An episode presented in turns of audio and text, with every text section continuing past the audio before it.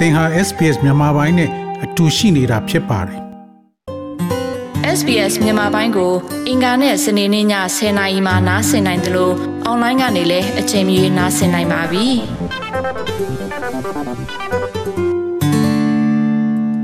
သောရရှိမြခင်ဗျာ။ Australia ရဲ့ရွေးကောက်ပွဲဆိုင်ရာလုပ်ငန်းစဉ်နဲ့ပတ်သက်တဲ့သတင်းမှားတွေကိုရွေးကောက်ပွဲကော်မရှင်ကတက်ကြွစွာ ပြင်ဆင်ရန်လှုံ့ဆော်နေပါတယ်။ Federal ရွေးကောက်ပွဲနီးလာတဲ့အခါမှာ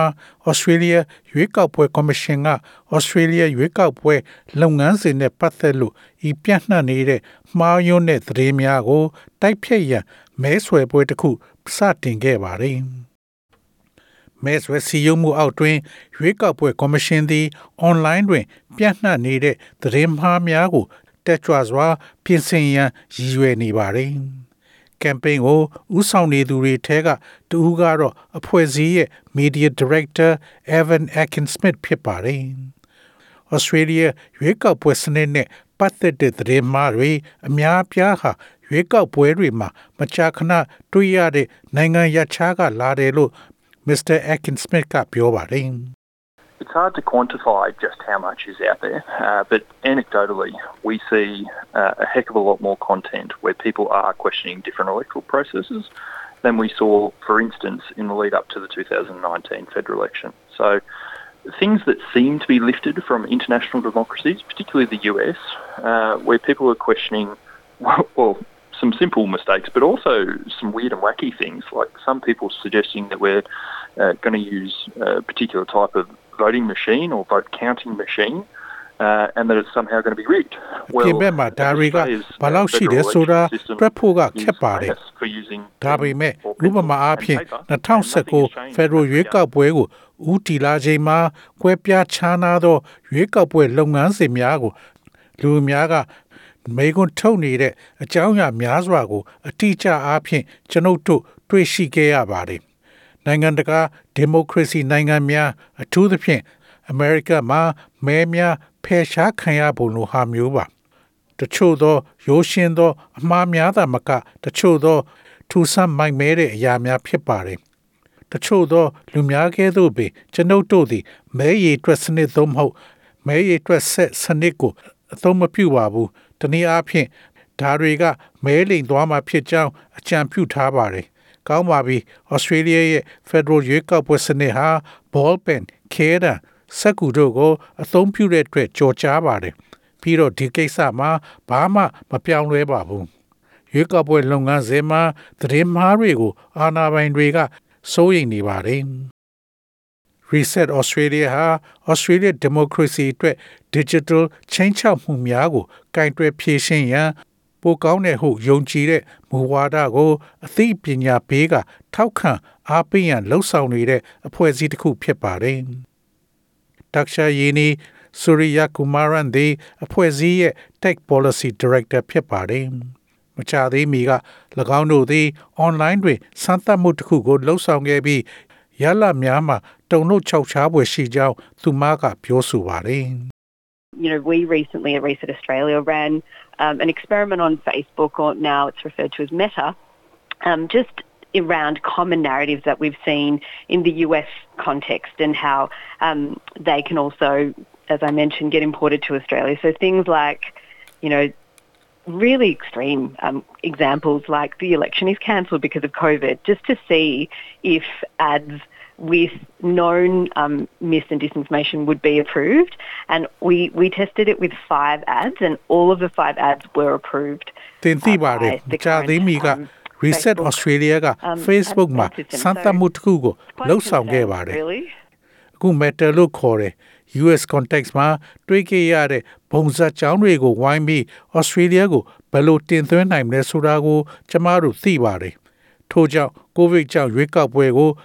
ဖျက်သိမ်းလိုက်သည့်ကဲ့သို့လွန်ကဲသောဥပမာများကဲ့သို့အရာများကို သိရှိထားသည့်မှားယွင်းမှုနှင့်မဟုတ်မမှန်သောကြော်ညာများကိုအတိမဖြစ်ရန်ကျမတို့လှုံ့ဆော်ပါတယ် Facebook ကိုကြော်ညာ၅ခုဖြင့်စမ်းသပ်ခဲ့ပြီးကြော်ညာ၅ခုစလုံးကိုလက်ရှိ Facebook ကြော်ညာစနစ်ကအတည်ပြုခဲ့ပါတယ်။ဒါကြောင့်တကယ်ကိုစိုးရိမ်စရာပါပဲ။ Australia ရွေးကောက်ပွဲကော်မရှင်ရဲ့ ပေးပို့မှုအတွင်းလူမှုအတွင်းရှိတချို့သောအုပ်စုများကို အထူးပြစ်မှတ်ထားသည့်အချက်လက်များကို ပေးဆောင်ရန်အတွက်ဖြစ်ပါတယ်။လာမယ့်ပြည်ထောင်စုရွေးကောက်ပွဲကော်မရှင်တွင်ပထမဆုံးအကြိမ်ဖြစ်ရွှေပြောင်းအခြေချ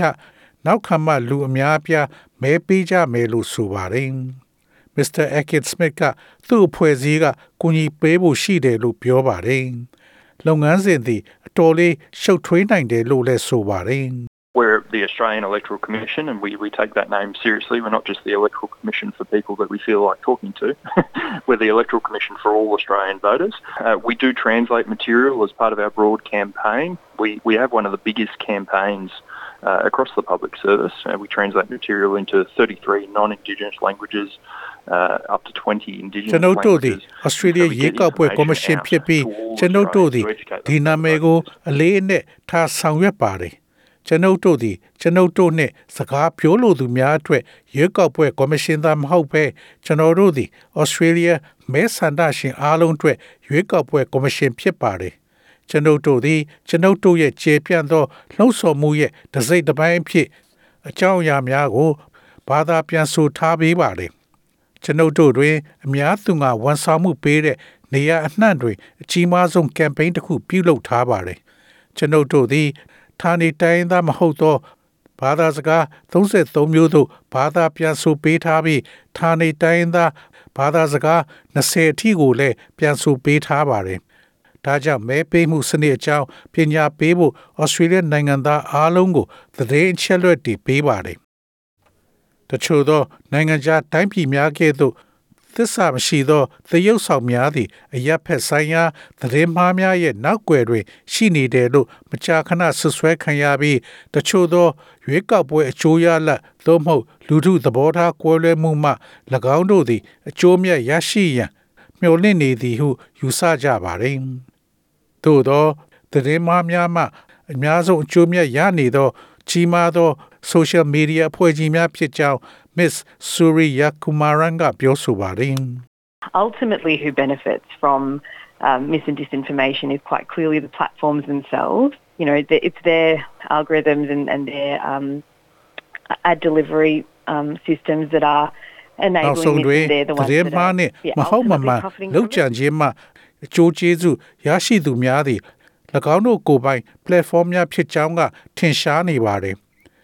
သူတို့ဖွင့်ပေးတဲ့သူတို့ရဲ့ algorithm များနှင့်၎င်းတို့ရဲ့ကြော်ညာပေးမှုစနစ်များဖြစ်ပါတယ်။ပြီးတော့သူတို့ကအဲ့ဒါကနေအဆုံးစွန်အကျိုးမြတ်တွေရရှိနေကြတာပါ။ SBS News က Mr. Akin Smith ကိုအခုလိုမှန်မှန်ကန်တဲ့သတင်းတွေဖြန့်နေတာကဘယ်သူအတွက်ဘလို့အကျိုးမြတ်ရှိလဲလို့မေးမြန်းခဲ့ပါတယ်။ Good question, not democracy. Uh, I, I think the work that we're doing to combat it uh, is helpful, and um, we are the electoral administrators who, who administrate the process, so we know how it works, we're the experts. Um, so our role, and we see it firmly as our role, uh, and it's a deliberate approach, is to combat this information as swiftly as possible before it spreads. အလွန်ကောင်းတဲ့မေးခွန်းမှာ hopefully all ဒီမိုကရေစီကအနိုင်ရတာတော့မဟုတ်ပါဘူးဒါကိုကျွန်တော်တို့တိုက်ဖြတ်ဖို့လုပ်နေတဲ့အလုပ်ကအထောက်အကူဖြစ်မယ်လို့ကျွန်တော်ထင်ပါတယ် ပြီးတော့ကျွန်တော်တို့ကလုပ်ငန်းစဉ်တွေကိုစီမံခန့်ခွဲပေးတဲ့ရွေးကောက်ပွဲအုပ်ချုပ်ရေးမှုတွေပါအဲ့ဒီတော့ဒါကဘလို့အလုပ်လုပ်တယ်ဆိုတာကျွန်ုပ်တို့ကောင်းအောင်သိပါတယ်ကျွန်တော်တို့ကကျွမ်းကျင်သူတွေပါထို့ကြောင့်ကျွန်ုပ်တို့ရဲ့အခန်းကဏ္ဍကို အခိုင်အမာမြင်ပြီးဒါကတမင်တကာချီးကပ်မှုတစ်ခုဖြစ်ပါတယ်ဒီမှားယွန်းတဲ့အချက်လက်တွေမှာပြန်ပွားမိတတ်နိုင်သမျှလျင်မြန်စွာတိုက်ဖြတ်ဖို့အတွက်ဖြစ်ပါတယ် ဒီလိုနည်းနဲ့ Australian မဲဆန္ဒရှင်အားလုံးအနိုင်ရမယ်လို့မျှော်လင့်ပါတယ်တော်ရရှိမြခင်ဗျာယခုနှစ်ပြည်ထောင်စုရွေးကောက်ပွဲကိုမေလ21ရက်သို့မဟုတ်အဲ့ဒီရက်မတိုင်မီမှာကျင်းပမှာဖြစ်ပါတယ် SBS သတင်းဌာနက Sony Awards ရဲ့ဆောင်းပါးကိုဘာသာပြန်တင်ဆက်ပေးထားတာဖြစ်ပါတယ်ခင်ဗျာ sbs.com.au/bemis ကို home နေရာမှာထားပြီးတော့အမြဲတမ်းနှာစင်နိုင်ပါတယ်။နောက်ဆုံးရသတင်းတွေ၊ဆောင်းပါးတွေနဲ့စစ်တမ်းတွေမှာပါဝင်ပြီးတော့ဆက်သွယ်မှုလုပ်နိုင်ပါတယ်။ sbs.com.au/bemis ဖြစ်ပါတယ်ရှင်။